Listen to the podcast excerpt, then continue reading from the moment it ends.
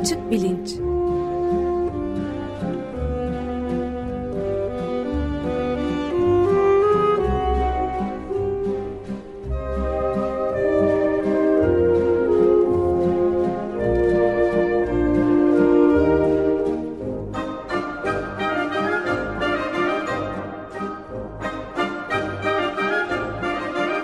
Güven Güzeldere ile bilim ve felsefe sohbetleri. Günaydın Güven Bey, merhabalar.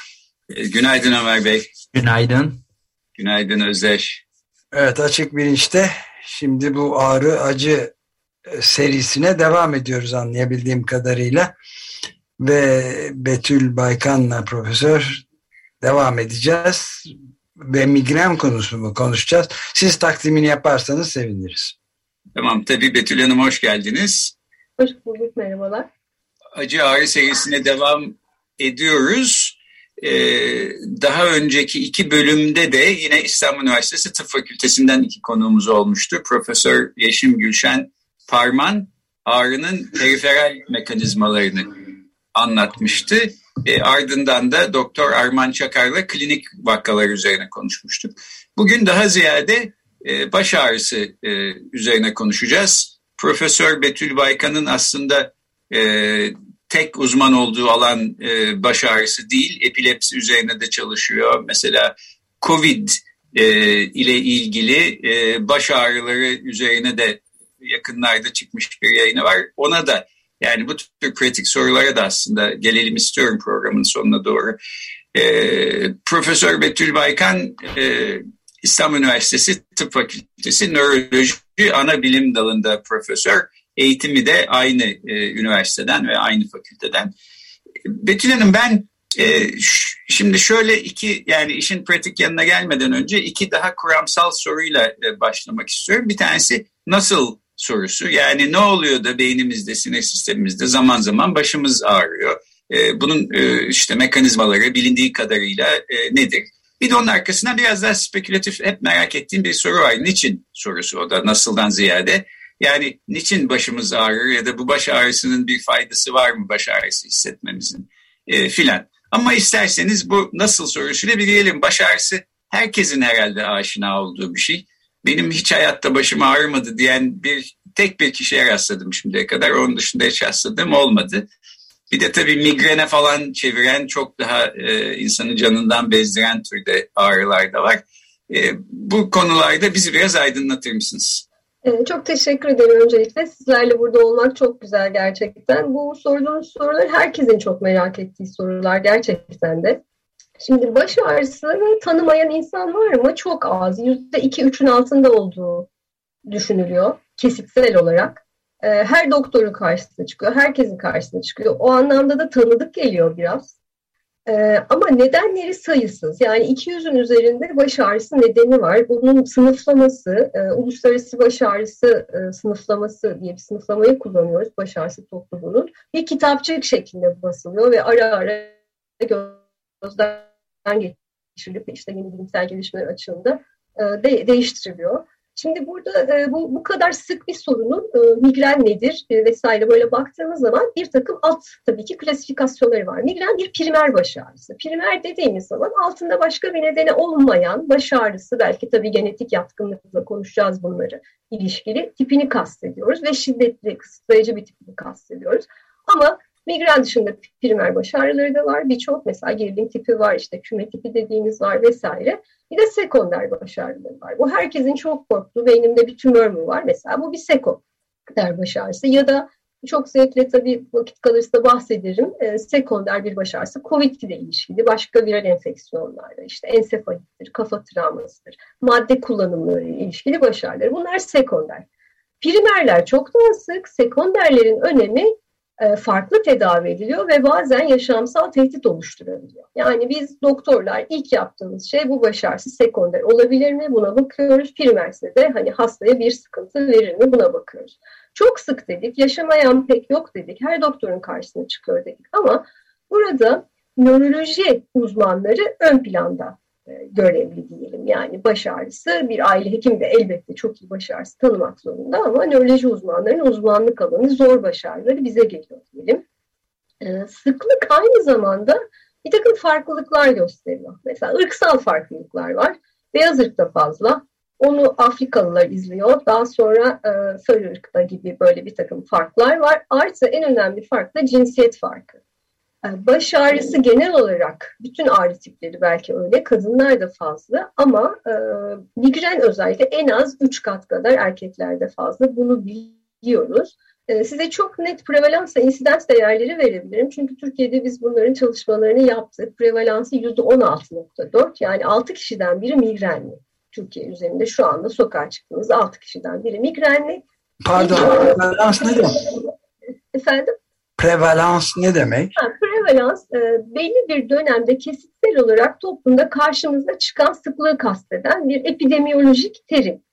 Hmm. İnsidans dediğinizde mesela şöyle bir şey var.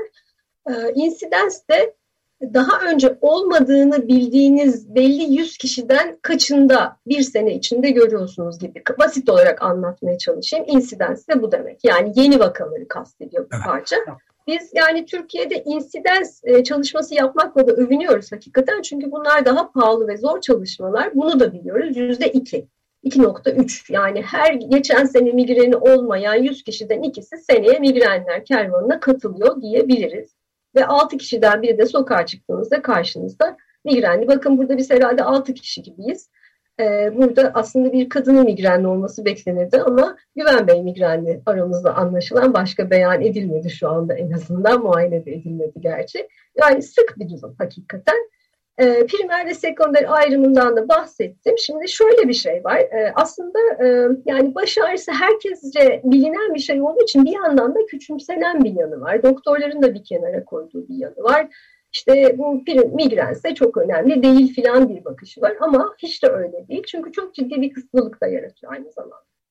Dünya Sağlık Örgütü'nün e, kısıtlılık yani dizabilite skalaları vardır. Hep ilk beşe girenlerin içinde yer alıyor sürekli ve toplumsal ve kişisel bir ekonomik yükü de var. Yani kullanılan ilaçlar, kayıp iş günleri, işte çekilen filmler vesaireler düşünürseniz çok büyük kısıtlılığı da var ve bunların mali hesapları yapıldığında çok ciddi bir yük olduğu da anlaşılıyor. Ve e, burada hemen ben ilk söylemek istediğim şeylerden biri şu olacak, mekanizmaya geleceğim, uzun uzun konuşacağım ama yani biraz da benim de söylemek istediğim şey bu. Neden peki o zaman bu şu daha önce sorulmamış bu kadar kısıtlılık getiren bir hastalık var ama sinir bilim fonlarına baktığınızda migrene yüzde yani migreni bırakın baş ağrısına yüzde beşin altında para yatırıldığını görüyoruz. Bu neden olabilir? Aslında buradaki konuşma içinde ipuçlarını da konuşmuş olduk. Yani bu bilim dünyasına ya da kapitalizmin büyük kısmına erkeklerin eril bir şekilde hakim olmalarını getirdiği bir şey çok açık olarak. Migreni daha yoğun bir kadınsal hastalık gibi bir stigmatize edici, seksist bir yaklaşımla bu konuya hakikaten önem verilmemiş, bir zarar da vermiyor. İşte bir kenarda otursun ağrısınlar, önemli değil gibi bir fon yatırmama durumu olmuş. Son yıllarda bir parça daha değiştiğini söyleyebiliriz ama hakikaten burada hak ettiği bilimsel bakışı almamış, biraz işte psikolojiktir, şudur budur gibi itip kakılmış, stigmatize edilmiş bir hastalık migren esasında. Peki gelelim şimdi migren nedir meselesine, ana oyuncular kimlerdir meselesine. Şimdi burada e, bir kere korteks yani beynin kabuğu tabii işin içinde. Özellikle görme korteksinin bir adı geçecek konuştuğumuz süreç içinde. Trigeminal sinir dediğimiz bir e, kranyal sinirin e, e, önemli olduğunu görüyoruz burada. Ee, onun dışında gene e, beyin sapı dediğimiz yapı çok önemli. Burada bir uyumsuzluk sağlayan bir e, gelişme e, var aslında. Bunu da e, beyin sapı ortaya çıkartıyor. E, peri akuaduktal gri madde denen bir noktası özellikle önemli. Beyin zarları e, ve diğer periferal yapılar işin içinde önem taşıyor. Ataklarla giden bir hastalık bu. Yani günün birinde bir atak oluyor. Ama arada bir e, sinir hücrelerinin, nöronların yatkınlığı var. Damar, damarsal bir yatkınlık da var ve aynı zamanda bu karmaşık genetik bir bozukluk. Neden karmaşık genetik bozukluk? Tek bir genle ilgili değil migren. Yani bir migren geni ya da 3-5 migren geni yok ama bir genetik yatkınlık söz konusu. Çevresel faktörlerle etkileşen bir yatkınlık bu. Ön plandaki tetikleyici nedir konusu e, çok tartışılıyor. Uzun yıllardır hep böyle bir vaskülerciler var. Yani damarsal bir durum. Bu zopluyor zaten işte falan gibi bir bakış var. Bir de nöroncular var. Yani nöronal bir durum bu. Esas olarak nöronlarla ilişkili bir dalga geliyor gibi bir düşünce var. Bunların arasında gidip geliyor patogenezle ilgili esas tartışmalar. Şimdi migrenin içinde paketinde sadece baş ağrısı yok. Devam edelim bu pakette neler var? Migrenliler bunu çok iyi bilir. Baş ağrısının eşlikçileri var. Bulantı var mesela. Bulantı dışında sesten ve e, ışıktan rahatsızlık var. Fotofonofobi diyoruz bunu. Kokudan rahatsızlık var. Aşırı bir rahatsızlık. Bu ağrı anında da olabiliyor, ağrı dışında da olabiliyor. O sırada çok ciddi bir yaşam kalitesi azalması, kısıtlılık var. işini yapamama var. Ama ataklar arasında kişiyi normal kabul ediyoruz. Normal durumunda diyoruz. Fakat genetik yatkınlığı olan bir birey. Fakat bu kişilerde bir yandan da bazı hastalıklara yatkınlık var. Ve beyinlerinde normal zamanlarında da ölçüldüğünde elektrofizyolojik ve yapısal bazı farklılıklar var migrenli olmayanlara göre baktığımızda. Artı migrenin bir semptom akışı şeması var. Yani nasıl bir akış var? İlk önce bir diyelim ki bir e, çok bilinen şey olduğu için onu söylüyorum. Bir çikolata arama, işte yorgunluk, e, premonitör dediğimiz bir safhayla başlıyor. Yani burada bak baş ağrısı falan yok. Kişi sadece biliyorsa anlıyor. Benim galiba migrenim gelecek diyor, yorgunum diyor vesaire.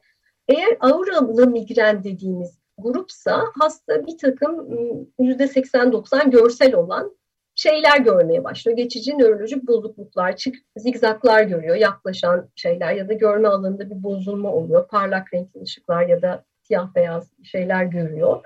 Bu işte bir saat ya da 20 dakika kadar süren dönemde hala baş ağrısı yok. Ondan sonra hafif bir baş ağrısı başlıyor. Erken fazla hafif.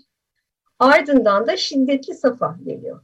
Ağır baş ağrısı. Yani migreni bir baş ağrısına indiremeyiz aslında. Çok daha böyle bu sekans kendini izleyen bir akış içinde gidiyor. Ve bittikten sonra da postüron dediğimiz yorgunluk, işte kognitif olarak kendimi iyi hissetmiyorum safhası geliyor. Ee, bütün bunların altında yatan mekanizma nedir? Ee, aslında bu konuda çok çalışma var. Yani Türkiye'de de çok e, önemli araştırmacıların olduğunu bu alanda söyleyebilirim. Yani örneğin e, Haynusal Bolay benim de arkadaşım bu önemli bir kavram. Kortikal yayılan depresyon.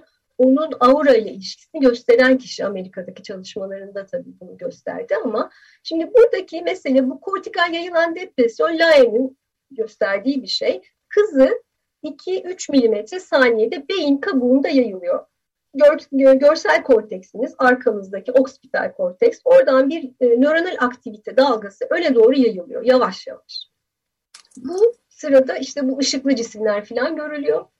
Ve bunun ardından, bu yayılmanın ardından da migren atağının tetiklendiği bir takım kanallar, e, beyin kanalları yoluyla düşünüyoruz. Kortikal yayılan depresyon yani alt, akılda tutulması gereken miden patogenezindeki önemli kavramlardan biri. Bir diğer kavram da nörojenik inflamasyon. Yani inflamasyon işte yangı hani ama bu steril bir iltihap değil. Yani bir iltihap bir çeşit ama steril. Yani ortada bir mikrop ya da virüs vesaire yok. Bu oluşuyor. Bu nasıl oluşuyor? Beyin zarlarında, Benningslerde oluşuyor. Ee, bunun hatta kullanımı da var. Böyle hayvan deneylerinde beyin zarlarını izole edip siz bunlara işte bir takım inflamatuar çorbalar uygularsanız buna e, benzer işte hareket şeyleri e, taklit edebiliyorsunuz, çalışabiliyorsunuz. İşin içinde bir takım iyonik mekanizmalar var. İşte nitrik oksittir vesairedir. Bir takım nörotransmitter dediğimiz e, maddeler var.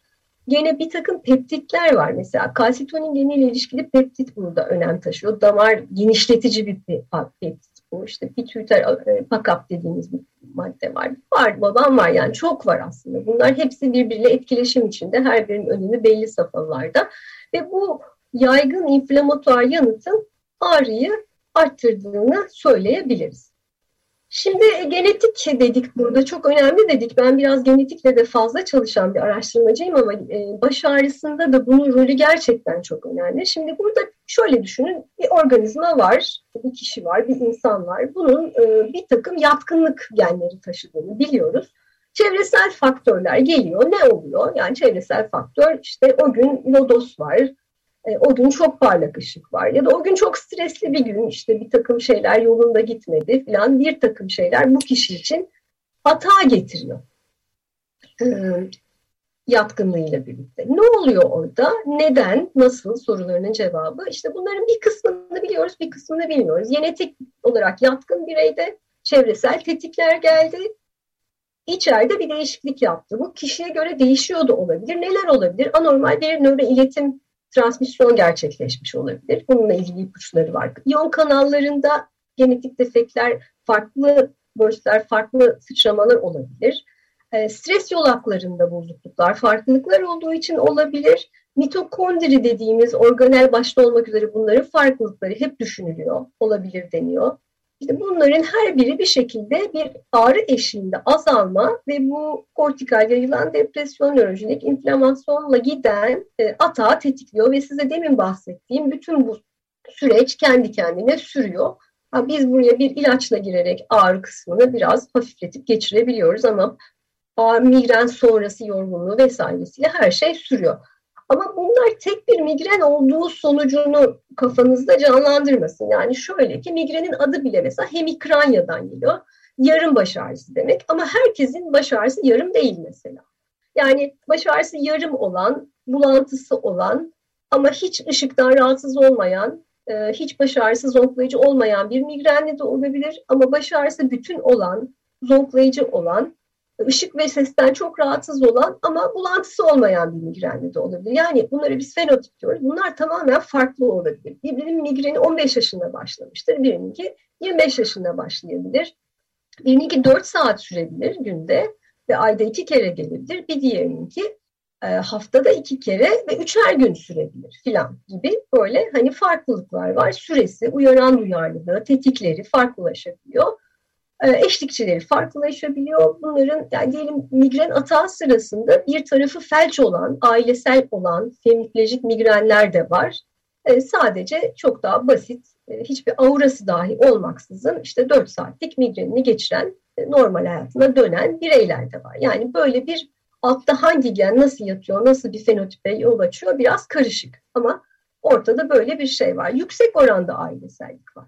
Yani bir insanın hem annesi hem babası migrenliyse kendisinin migren olmaması ufak bir olasılık. Öyle söyleyeyim. Ee, ailede migren örgüsü biraz daha erken başlamasına neden oluyor. Daha kısıtlılık yaratan ağır bir migren olmasına neden oluyor vesaire. Ve auralı migrenlerde genetik özellikler biraz daha fazla. Bunları da biraz söyleyebilirim sizlere.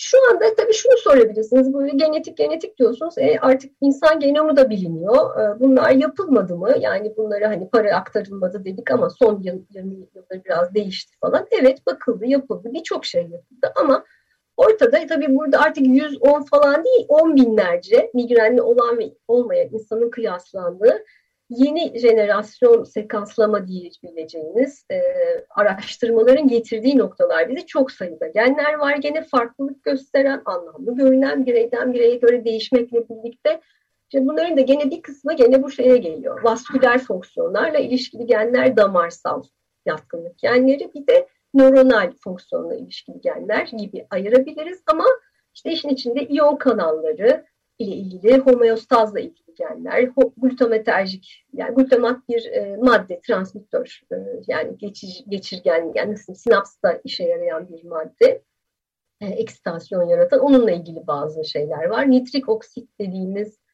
e, oksidatif stresle ilgili madde önem taşıyor vesaire. Yani sonuçta ortada gerçekten bir vaskülere dönüş gibi bakılan e, gen farklılıkları var. Ama bu gen ontolojileri ve yani birlikte görünmeleri bazı fonksiyonel yolakları ancak işaret ediyor olabilir. Şimdi biz biraz e, beyne ve işleyişine networklerle de bakmak zorundayız. Yani kortikal iletimlerde bu gen transkripsiyonların önemi olabilir. Enerji rezervleriyle ilgili, iyon kanalları ilgili bunu düşünmek durumundayız gibi bir noktaya geliyor. Bilmiyorum buraya kadar hani nasıl ne sorularına bir şeyler söyleyebildim mi? Bir ufak ee, Tabii ki çok sevinirim. E, yani bir e, te, oldukça ağır belirtileri olan, ağır seyreden bir tipik e, şeyden bahsediyoruz herhalde ama bunun tedavi biçimleri var mı? Kesin bir tedavisi olabiliyor mu? Öncelikle evet, evet. Te tedaviye geleceğim zaten. Çok birkaç kelime daha söyleyeyim isterseniz deminki e, Güven Bey'in sorularıyla ilgili. Tedaviyi en sona bırakmıştım ben. İsterseniz e, akışı bozmadan tedaviden. Yani kesin bir tedavisi yok. Zaten genetik içinde geninle birlikte yaşadığım bir durumsa kesin bir tedavisi olmadığı belli. Ama yaşam kalitesini yükseltici tedavi seçenekleri elbette ki var diyeyim. Önce bir iyi bir şey söylemiş olayım. Şimdi biraz hızlanarak e, devam edeyim. Bir saate de bir göz atayım mı? Fena bir durumda değiliz galiba değil mi? Bir 10 dakikamız falan daha en az var.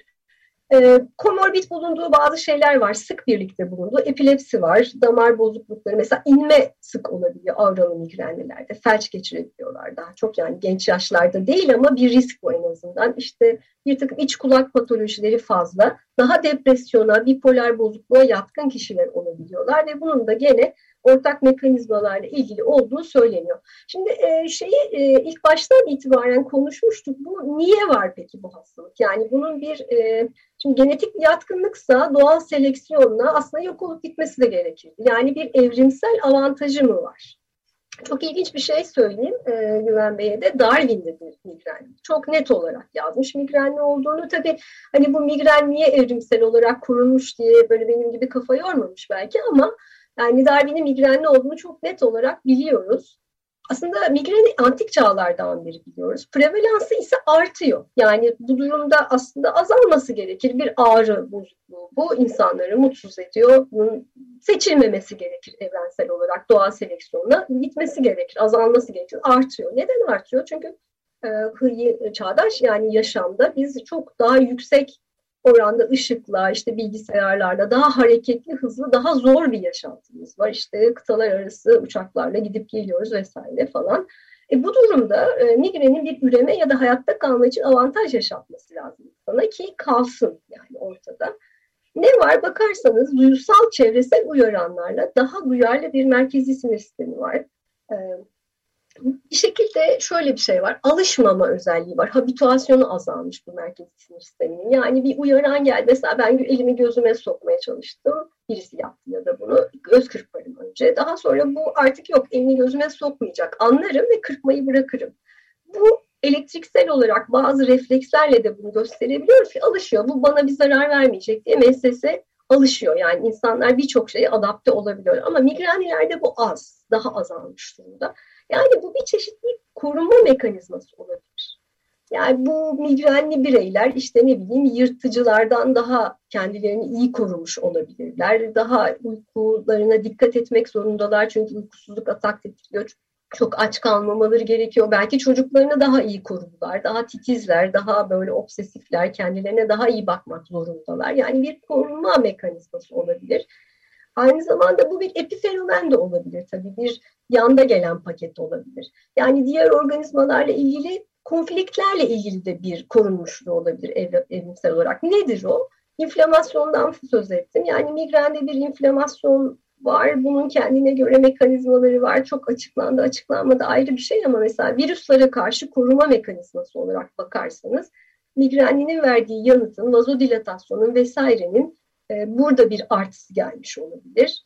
Çevresel faktörleri uyumla ilgili bir artısı olabilir mi? Bunu da tam bilmiyoruz. Yani kendini korumak anlamında belki. Darwin'e dönelim. Darwin mesela hiçbir zaman böyle çok önemli bir bilim adamı olmasına rağmen migrenli olduğu için e, sıkıcı toplantılara katılmamış, hep böyle izole durmuş, hep çalışmalarıyla ilgilenmiş biri olarak tanımlanıyor. Belki bu bile bir şey mesela. Yani genetiğin zararı kadar yararı da olmalı. Yanında bir tasarım kısıtlaması olabilir diyeceğim belki. Yani onun getirdiği avantajlar ağrıyla birlikte e, tatsız gibi görünse de devam ediyor olabilir. Bu noktada ben tedaviye geçeceğim ama bilmiyorum bana başka sormak istediğiniz bir şey var mı tedavi? Bir de şu bir şey e, sıkıştırayım evet. araya sonra tedaviyle bitirelim. Tamam. Tamam. E, ben yani Şimdi mesela acıya doğuştan acıya duyarsız insanlardan bahsettik önceki bölümlerde. Evet, evet, e, vücudumun e, çeperindeki bazı mekanizmalar çalışmıyor olsa yani ayağımı kırdım farkında değilim acı çekmiyorum. Bunun bana nasıl bir zarar vereceğini anlıyorum.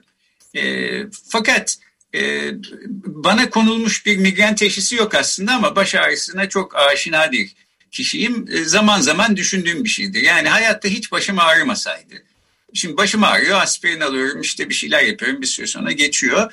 E, bu ayağımın kırılmasının verdiği acı hissi gibi bir şey değil. Orada bir şey yapmam gerekiyor ayağımla ilgili. Ama e, baş ağrısını hiç hissetmeseydim ve kendiliğinden bir süre sonra geçseydi bu içerideki durum e, bir hisse dönüşmeseydi benim hayatımda bir eksiklik olur muydu? Yani 40 yılda bir bir işte büyük beyin tümörünün filan belki e, işaretleyicisi olabilir baş ağrısı ama genellikle böyle olmadığı göz önüne alınırsa ben ya ne gereği var bu baş ağrısının hiç olmasa daha iyiydi gibi bir e, düşünceye kapılmadan edemiyordum. E, fakat zamanımızı da bitiriyoruz. Bu tedavi konusunu isterseniz siz... E... Evet yani bilmiyorum benim demin anlattıklarımdan e, bir şeyler e, sizinle de ilgili çıkmış olabilir ben. Yani bilimsel bakış işte bir takım şeylere daha dikkatli bakmak, kendini korumaya yatkınlık böyle hani e, organize olmak falan anlamında bir takım paketlerle, genetik paketlerle birlikte gelmiş olmalı gibi görünüyor. Tabii sıkıcı toplantılara katılmamak çok iyi bir fikirmiş. Hiç aklıma gelmemişti. Bunu da e, hatırlayacağım. E, peki tedavi için ne yapılması gerekir? Size geldik. Evet. Başımız ağrıyor, migrenimiz var. Evet yani migrenin şimdi tedavisinin tam olarak olmadığını, yok edici bir tedavisinin olmadığını söyledik ama migrenin bir doğası da var. Yani bu doğa aslında zaman zaman susmayı da seçebiliyor. Yani migreni var diye bir insanın her ay bir kere başının ağrıması gerekmiyor. Migreni kötü giden kişilerin 5-10 e, yıl boyunca hiç baş ağrısının olmaması da mümkün. Biz tedavide nelerle ilgileniyoruz? Bir kere bir akut tedavi. Çok ağrınız varken bahsettiğiniz analjeziyi almak. Buna yanıt veriyorsa ne hala aslında sorun yok. Bunun çok fazla alınması sıkıntı. Yani analjezik ilaçların e, ayda ondan fazla alınması ağrı reseptörlerini de bozarak kronik dediğimiz yani devamlı baş ağrısına neden oluyor. Artık bu bir bağımlılık haline yani burada yapılabilecek birinci hata bu. Devamlı analjezik alıyor olmak. Profilaksi dediğimiz koruyucu tedaviler var. Eğer işte ayda dörtten fazla başınız ağrıyorsa vesaire bir takım endikasyonlarınız varsa koruyucu tedaviler alıyorsunuz. Ama bunları her gün alıyorsunuz korunma amacıyla. Ee, bir de ilaç dışı tedaviler var. Onlardan da bahsedeceğiz ama baş ağrısı ne zaman kronikleşir? Çünkü kronikleşmesi migrenin ya da baş ağrısının olabilecek en kötü şey. Yani ayda bir kere olması da kötü elbette ama her gün ya da gün aşırı olmasından çok daha iyi. Orada bir analjezik yanıtı varsa bu sizin için bir şans aslında. Öyle de bakmak lazım. Ee, işte bir ilginç şeylerden biri de budur. Yani migrenin e, başlarda hep böyle şey diye düşünülmüş. Sosyoekonomik durumu iyi insanların, işte yüksek entelektüel yapısı olan insanların hastalığı falan sanılmış. Ama epidemiolojik çalışmalar bunun öyle olmadığını göstermiş. Gene işte kapitalist dünyanın bir şeyi doktora ulaşabilen değil aslında sosyoekonomik durumu daha kötü olan hatta eğitimsiz diyebileceğimiz işte efendim daha fakir insanlarda daha sık bir hastalık olduğu ortaya çıkmış eninde sonunda. Başka baş ağrısı dışında ağrılı durumlarla da birlikteliği sık, psikiyatrik bozukluklarla birlikteliği sık diye konuştuk. Bu ilaç kullanımının arttırılması hata. Bunu bir mesaj olarak buradan vermek istiyorum. Yani analjezik kullanımını çok arttırmamak lazım.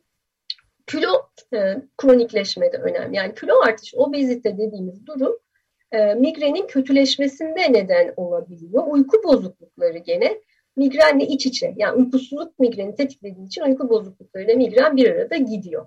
İlaç dışı seçenekler nedir'e baktığınızda tetikleyicileri iyi belirleme ve uzak durma. Kişiye göre değişiyor. Yani benim migrenim uykusuzlukla ilişkili olabilir, bir başkasınınki işte kırmızı şarapla ilgili olabilir gibi. Yani burada kendisine göre kişinin işte uyku hijyenidir, yeme alışkanlıklarıdır, düzgün egzersizdir, işte bol su içmedir, stresten uzaklaşmadır gibi kendini koruyan bir takım e, alışkanlıkları geliştirmesi gerekiyor. Burada destekler alması gerekiyor. Bunlar çok önemli. Verilebilecek e, mesajlardan... Süreyi de bitiriyoruz. Efendim? Süreyi de. Süreyi de bitiriyoruz tamam. Yani süreyi de bitiriyorsak migrenin cerrahisi yok diyeyim. O bir şarlatanlık. Onu söyleyeyim. Akupunkturun bir bilimsel temeli yok diyeyim. Bir de işte botoks gibi seçenekler, e, migrenin aşı denen ya da antikor monoklonal antikor tedavisi dediğimiz durumlar var ki bunlar da hani uzman kontrolünde yapılması gereken durumlar. Ben herhalde çok e, fazla konuştum ama sizlerin de soruları varsa dinlemek isterim. Yok estağfurullah.